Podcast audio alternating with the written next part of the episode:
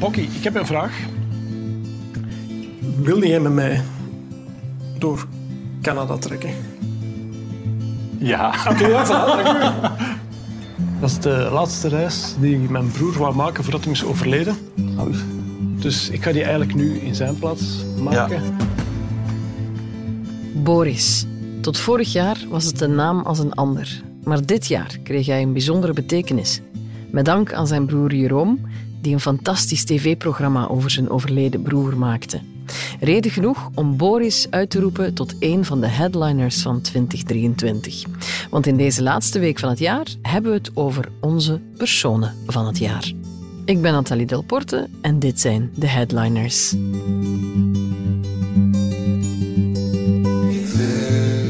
Samen zag je drie mannen door een rouwproces gaan. Op de tast. Twee van hen over een jongen die ze alleen maar konden kennen aan de sporen die hij in zijn broer had getrokken. En ja, dan mag er ook gelachen worden. Humor als manier om in het leven te staan, niet als overlevingsstrategie. Het was verpletterende televisie. Voor wie het nog moet inhalen, zullen we het einde niet verklappen.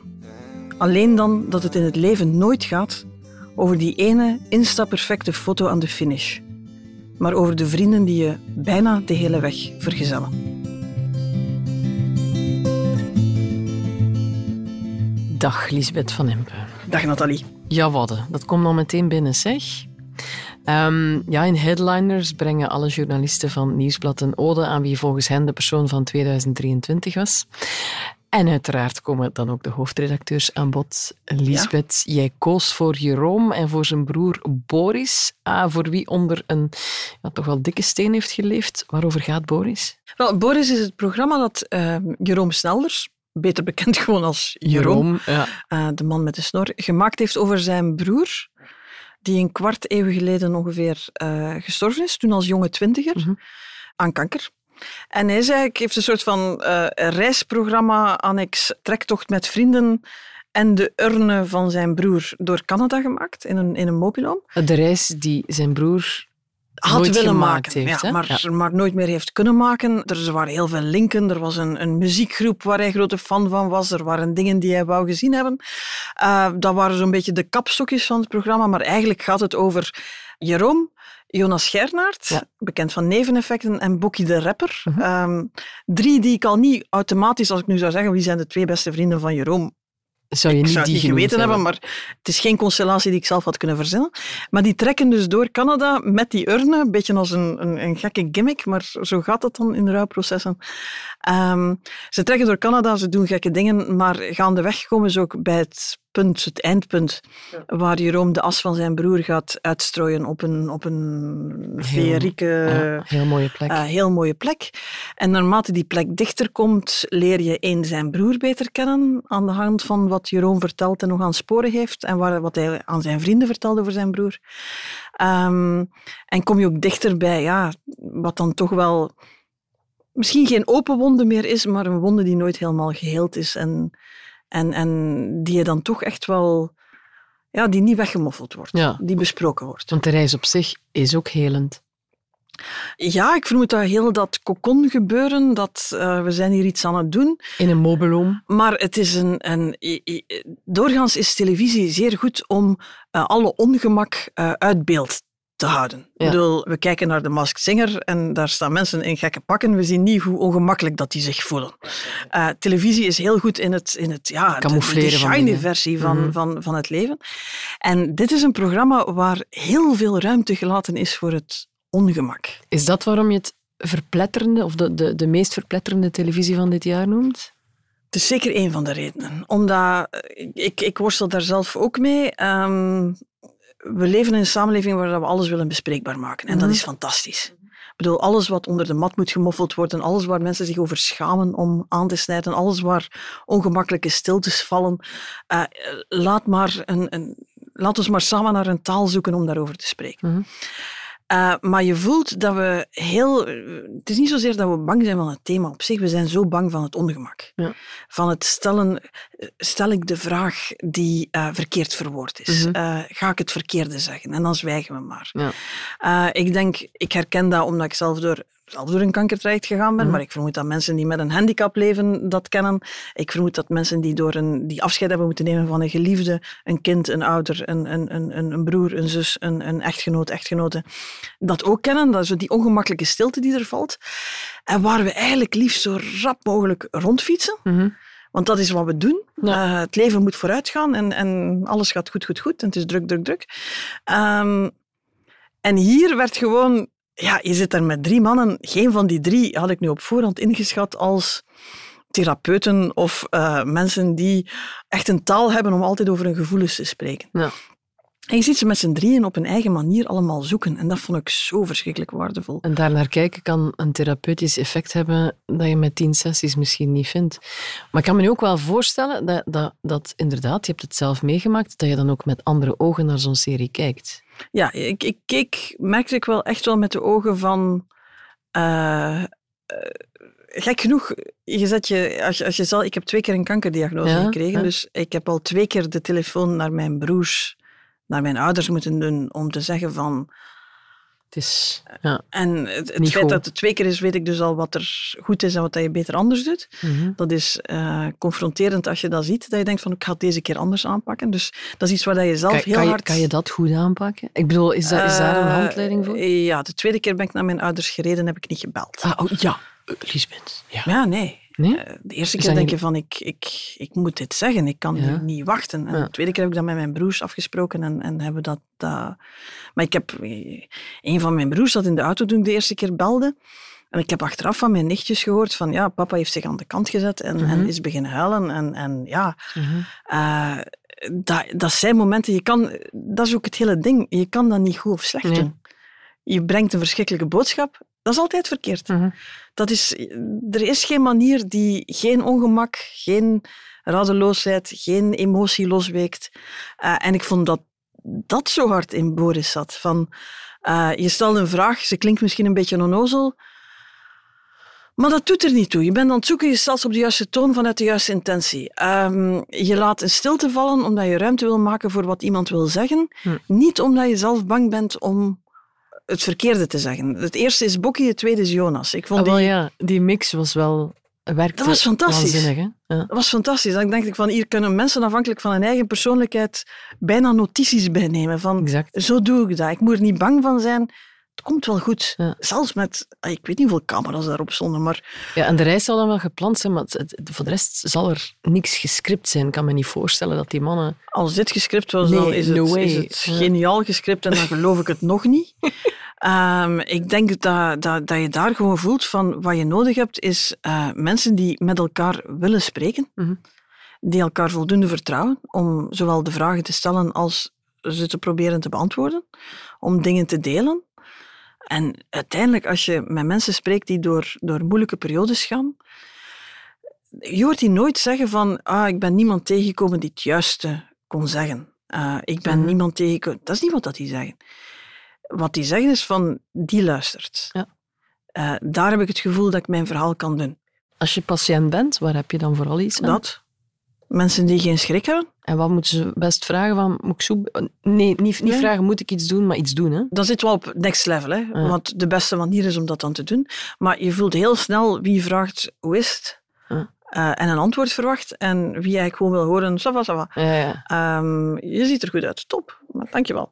Eh ik heb geen spiegel. Ehm, dat is... eh, ehm, eh, en misschien omdat het drie mannen waren dat het zo goed werkt. Omdat je denkt van, zet er drie vrouwen, dat heeft waarschijnlijk een iets andere dynamiek. Eh, het waren er dan nog drie waarvan je denkt van, ja, Jeroen, allee, bedoel, iedere emotie kun je in die snor laten verloren lopen. Jeroen, Jeroen is iemand voor Boris waarvan wij niets wisten. Eh, jawel, dat hij geweldig grappig is. We en- gingen en- ervan uit dat hij zijn vrouw graag zag, anders zou hij nooit zo'n vreselijke dingen over zijn Over vrouw de slimste mens zeggen. Dus dat soort man. Ja, We ja. kennen allemaal dat soort mannen, Ja. waar dat je het uit het tegendeel moet gaan afleiden. Ja. Maar inderdaad, iedere emotie kan je verstoppen in die snor. Eh Bokkie, dat is meer hard op de... eh, ik, ik heb ze Je alle kent drie... ze alle drie een beetje. Wel, ik heb ze alle drie gekruist achter de schermen bij De Slimste Mens. Met Bokkie en Jonas heb ik, denk ik, eh, in de stoeltjes gezeten en Jeroen was, Jury. was jury. Ehm, maar goed, ja, dat zijn, dat zijn, ja, dat zijn mannetjes. Hè. Dat is, dan kan je niet rond. En dan denk je van, godverdorie, die moeten nu aflevering na aflevering vul- vullen. En gelukkig was er af en toe eens een grote hockeystick en zo. maar ja, Ja. ik was zelf verrast tot hoe het evolueerde, Mhm. zonder dat je ooit het gevoel had dat het geforceerd was. Zijn we nu aan het lekken? Moet ik eens gaan kijken? Ja. Er is iets aan het lekken. En wat is, denk je? Het is geen naft. Ah. Is dat onze kak? Oké, dat is dus uw pis dat wij aan het verliezen zijn. Hè? Zeker? Ik denk het. Zie, we hebben dat geraakt hier. Ah ja, fuck. Daar eh, boven die fitting is los. Zit jij bij je handen daaraan? Ja. En content mee? Als je drie mannen samenzet, zeker deze drie, dan weet je sowieso dat er eh, een goede portie humor bij komt kijken. Dat is nog een reden waarom het programma zo Dat succesvol kan met vrouwen ook. Hè. Theoretisch, in de praktijk zal het kan iets meer, vrouwen misschien iets meer kopjes thee en lange gesprekken zijn. Dat zou iets meer getetter. Eh niks Maar daartegen het, het, natuurlijk. het, het, was, het, was, eh, het werd de sterkte van het programma. Het had de valkuil kunnen zijn. Hè? Eh, absoluut. Dat je alleen maar humor als schild zag. En dan zou het pijnlijk kunnen worden ook. Dan had ik waarschijnlijk niet tot het einde gekeken. Dan zou ik gedacht hebben van... Jongens, tof dat jullie een trip naar Canada hebben weten te versieren op onze kosten. Maar ah nee, het is niet de openbare omroep. Allee, op de maar kosten van de we ook zender. alles over hun kaka en zo. Eh, ja, maar ehm, ik vond wel... Ja, humor werkt, hè. Mhm. humor, ehm, ik, wat ik net voorgelezen heb, hè, als, als manier om in het leven te staan, fantastisch. Hè? Mhm. Als het alleen maar overlevingsstrategie is, als het alleen maar schild is, als alleen maar alles wat echt is erop afketst, ja, dan zou het een heel slecht programma geworden zijn. Ja. Maar dat was het niet. Het was een manier om... om je kan ook niet blijven naar de einder staren en ja, zwelgen in, in het verdriet dat er is. Je Mhm. moet ook... Allee, ook dat was het. Hè. Ik vond ook het feit dat het 25 jaar na het overlijden was, Ja. toont enerzijds van... eh, Zo'n dingen gaan niet rap over. Nee, tijd heel Wij denken alles. zo, na, na zes maanden moeten mensen daar ongeveer wel over zijn. Hè? Nee, dat is iets wat dat een leven, dat je een leven lang meedraagt. Mhm. Maar ook, je kan erover spreken, maar dat hoeft niet alles over te nemen. Je kan dat ook een plaats geven en je mag erachter weer gewoon een, een, een, een goede of een foute grap vertellen. Ja, ja. Ehm, Jeroen won ook net de H van Humo. En daar werd het eigenlijk perfect beschreven. in het Ja, ik programma. heb al twee weken geleden moeten zeggen dat ik, wie dat ik wilde doen. En dus ik dacht, Jeroen, en intussen heeft hem ongeveer iedere prijs gewonnen die er is. En ben ik totaal niet meer origineel. goed. keer. Nee, wel. Een volstrekt uniek document waarin verdriet en humor elkaars vlooien kregen. Dat is gewoon Mooi. gezegd. Hè? Dat is mooi gezegd. Ik kon dat niet meer pikken, hè. Je zou willen dat je het zelf verzonnen had, hè, maar ja. Ja, eigenlijk wel. Heb, je, maar- heb je zelf ervaring met hoe helend humor kan werken? Oh ja. Ja? Oh ja. Concreet Ik, eh, voorbeeld? Oeh, eh, mensen vragen me altijd, wanneer dacht je van, toen ik de eerste keer een kankerdiagnose kreeg, ehm, wanneer wist je zo van, goh, het gaat wel lukken? Ja. En dat is eigenlijk de eerste avond. We zaten hier met twee collega's, drie collega's op een terras. En de eerste donkere, cynische grap viel en iedereen lachte. En toen dacht ik van, we komen er wel. Er mag nog gelachen. Ik, ik heb mensen meegepakt naar de chemo en er zijn keren dat echt schandalig was, dat je dus ons gelach tot op de gang kon horen. Eh, ik denk, eh, producer Bert, die hier nu stil zit te luisteren, is getuige geweest van mijn twee beste vrienden die zich als kliniekclowns verkleed hadden voor mijn laatste chemo. Heeft een foto genomen. Heerlijk. Dat was, dat was lachen tot en met. En, en een kwartier later was ik aan het huilen weer. Ja. Dus, hey, laat het maar een rollercoaster zijn. Maar ja, lachen helpt, tuurlijk. Zolang dat je het niet gebruikt om het niet te moeten hebben over wat ook pijn doet en wat, wat, wat je angstig maakt en wat je verdrietig maakt. Ja. De twee hoeven elkaar echt niet uit te sluiten. Nee. Is er lef voor nodig om wat jij nu zegt te zeggen, om wat die drie mannen op tv lieten zien te laten zien? Eh, Of is het er tijd in, in, voor? ik zeg het, eh, soms als het gaat over dingen bespreekbaar maken en over moeilijke dingen spreken, soms doen we dat op een te klinische wijze. Mhm. Alsof dat je zo op het einde van de rit komt en dan ben je Piet Huizentruid en dan heb je drie dingen geleerd. En dat is allemaal mooi en mooi ingepakt in een soort van levensfilosofie en dan kan je dat op een tegeltje drukken en je kan weer voort. Ja. Daar heb ik het nooit mee gehad. Als mensen daar iets aan hebben, doe vooral. Ja. Maar ik denk het, het, het, het rauwe en, en net als het rafelt aan de randjes, ja, dan wil je bijna, wil je bijna een mop vertellen. Ik bedoel, dat, dat, dan, dan zoek je al zo de, de, de zwarte lach op. Mhm. Eh, net het feit dat het niet zo gepolijst moest zijn, ik denk dat lachen daar deel van uit is, dat het nog niet gepolijst is. Het is nog niet helemaal af.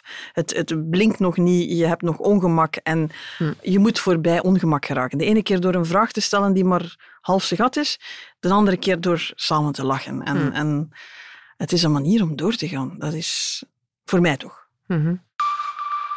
Hoe pakkend Boris is, dat blijkt doorheen elke aflevering. Maar het ene fragment komt uiteraard al wat steviger binnen dan het andere. Zo is er de scène met het cassetje, Lisbeth. Oh ja, Eh, ja dat is. Ja, daar krijg ik kippenvel van. hè. Ik bedoel, eh Jeroen heeft nog een cassetje van iets wat ze samen als, als, als jonge jongens gemaakt hebben. Eh, zo, je kent dat, hè? de tijd dat dat nog was met van die recordertjes. Ja, ja, en we, gaan een, we gaan radio maken. En, en, en, ja. Hij heeft daar blijkbaar nog niet naar geluisterd, heeft dat mee. En op een bepaald moment haalt hij dat dus boven om daar samen naar te luisteren. En voor het eerst in een kwart eeuw is de stem van zijn broer terug te horen. Ik vermoed vandaag lijkt dat zo evident dat er bewegende beelden en filmpjes en foto's en, en, en stem en noem maar op.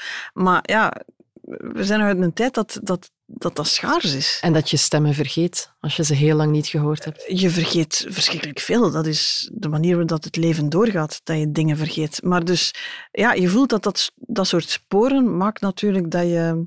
Ja, iedereen kent dat ook van op een begrafenis. Hè? Zo Ja. de, de foto's en het filmpje en noem maar op. Hoe confronterend dat, dat kan binnenkomen. En het is zo een van die momenten waarop je voelt dat de verstelling bezig is. Dat ehm, de ene nog probeert vragen te stellen... Maar weet dat, ja, dat er op dat moment eigenlijk geen goede vragen zijn. En tegelijk dat Ja. gewoon goed is dat je probeert. En de andere denkt van, oké, laat ruimte. En dan drukt Jeroen op play. Wat is hem hierop? Weet Ik weet het niet. het het is toch gewoon mijn vader zijn geschrift, Boris en Jeroen, scheidluisters. Het kan van alles zijn. Het kan heel gênant worden. Oké, klaar? Ja. Jij? Oh nee.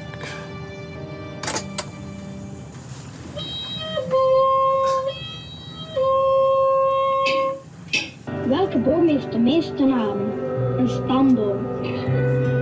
Wat is het beroep van je man? Binnenhuisarchitect. En wat doet hij dan buiten? en dit was dan de eerste kant van de LP van de scheidluisters. Ja, luister, ja. Dat is een Zalig. tweede kans. Zalig. Ja, dat is echt wel heftig. En, en straf ook dat hij dat zo lang heeft uitgesteld om te luisteren. En precies alsof het aan het wachten was op dit magistrale programma. Nu, ik heb, eh Lisbeth, de indruk dat er wel een positieve golf gaande is wat betreft alles dat met, met de dood en met rouw en alles er rond te maken heeft. Er zijn podcasts over het onderwerp. Er worden rouwweekends georganiseerd. Ik heb eh, deze zomer voor een begrafenisondernemer een paar begrafenissen voorgegaan. En dat is, ja, ik, ja, dat is een heel universum waar we veel te weinig mee bezig zijn, dat sowieso. Maar dat lijkt wel op gang te komen. Zou Boris daar ook voor iets tussen zitten? Boris is daar gevolg en oorzaak, ik weet het niet. Eh, je had ook eh, Dagen zonder broer van Jeroen Meus, Mhm. vond ik ook heel confronterend. Ehm, ik denk dat het vooral belangrijk is voor mensen die in de rouw zijn, dat daar meer erkenning voor komt. Want tot voor kort was dat eh, één of drie rouwdagen dat je krijgt, Ja. arbeidsrechtelijk. Speciaal. En dan verwacht je dat mensen terugkomen. En, En ik zeg niet dat mensen nu moeten allemaal veel langer thuis zitten, hè, Mhm. maar het idee dat dat een soort van proces is, Mhm. waar als je tot de ruime omgeving van iemand behoort, waar je langer dan je misschien zelf denkt ruimte moet voor laten, Mhm. dat je dat bespreekbaar moet laten, om dus nog eens naar datzelfde verhaal ook te luisteren, want Ja. dat is het vaak. Hè. Ja. Eh, Het is niet met ene keer te vertellen dat mensen dat achter zich kunnen laten. Mhm. Eh, dat is een proces dat tijd vraagt. Eh, dus het is, het is super positief dat daar meer aandacht voor is. Veel universeler kan je het ook niet maken. Nee. Bijna iedereen moet daar ooit wel eens door. En tegelijk heeft het ook te maken met ehm, kwetsbaarheid. Mhm. Het tonen van kwetsbaarheid. In die zin is er zelfs een soort van gekke link met eh, dat andere topprogramma van dit jaar, God Vergeten. Ja. Ook daar zag je mannen die nog een stuk ouder waren, vaak vijftigers, zestigers, zeventigers, die heel hun leven over iets gezwegen hadden, Mhm. omdat ze ook in een tijd leefden dat daar eigenlijk geen... Er was geen plek om daarover te spreken. Ja. En ook daar zag je datzelfde, dat zoeken, dat frunniken aan een mouw, dat stokken. eh, dat is niet meer de... Ja, het is open wonden en tegelijk vooral een, een heel oud litteken tegelijk. Hè. Hm. En dan een manier zoeken om daarover te spreken. En, en ik denk dat dat televisie is die heel duidelijk maakt dat ehm, mensen dingen met zich meedragen, met zich meeslepen. Hm. En als je echt een vriend wil zijn of als je echt wil helpen, dat je daar oog moet voor hebben. Hm. Dat je dat niet allemaal kan wegmoffelen. En dat er ook geen... Het kan echt decennia later, dat je pas dan de taal vindt om erover te spreken. Of het moment, of dat ene kampvuur waar je dan zegt van nu gaan we toch eens luisteren naar dat cassetje dat daar Ja. dan blijkbaar al die tijd ook wel ergens in een doos gelegen heeft. Ja. Ehm, hoe is het trouwens met jou? Eh, met mij gaat het goed, maar eh, je hoeft niet... Je kan genezen van kanker en ook door een rouwproces moeten. Hè. Ik bedoel, je neemt Mhm. van heel veel dingen afscheid. Eh, ik- het is weer een heftig jaar geweest. Mhm. diagnose is nu ongeveer een... Tweede diagnose is een jaar geleden. Ja. Dus het is een heftig jaar met veel operaties en dus veel afscheid van, ja, van veel dingen geweest. Ja. Ehm, dus voor mij kwam het programma ook echt, denk ik, in het, op het juiste moment. Op het moment dat ik dacht van, ja, eh, varianten hiervan gaan veel mensen door en dus ik ook. ja. Dus het heeft jou in jouw rouwproces een stukje op weg geholpen. Ja, alleen in tegenstelling tot Jeroen heb ik minder, ga ik geen, wacht ik geen kwart eeuw om erover te beginnen. het is altijd mijn strategie geweest om daar met vrienden over te spreken. En, Ja. en ik weet dat het de vrienden zijn en, en de mensen rond je die je echt naar de finish dragen. Eh, dat wist ik al van de eerste kanker, dat weet ik nog beter na de tweede. En eh, dat vond ik ook zo mooi aan het einde van het programma, dat je echt, het gaat echt over er zijn. Mhm. Iemand die, ik denk dat ik het ergens in mijn boek geschreven heb, van ik ben bang geweest, ik ben kwaad geweest, eh, maar nooit alleen. Er liep altijd iemand naast me. Ja. Een eh, veel mooiere kerstboodschap kunnen wij eh, niet eh, bedenken. Lisbeth van Impe, bedankt daarvoor. En ik wens jou en iedereen die aan het luisteren is vooral een zeer gezond 2024. Hetzelfde.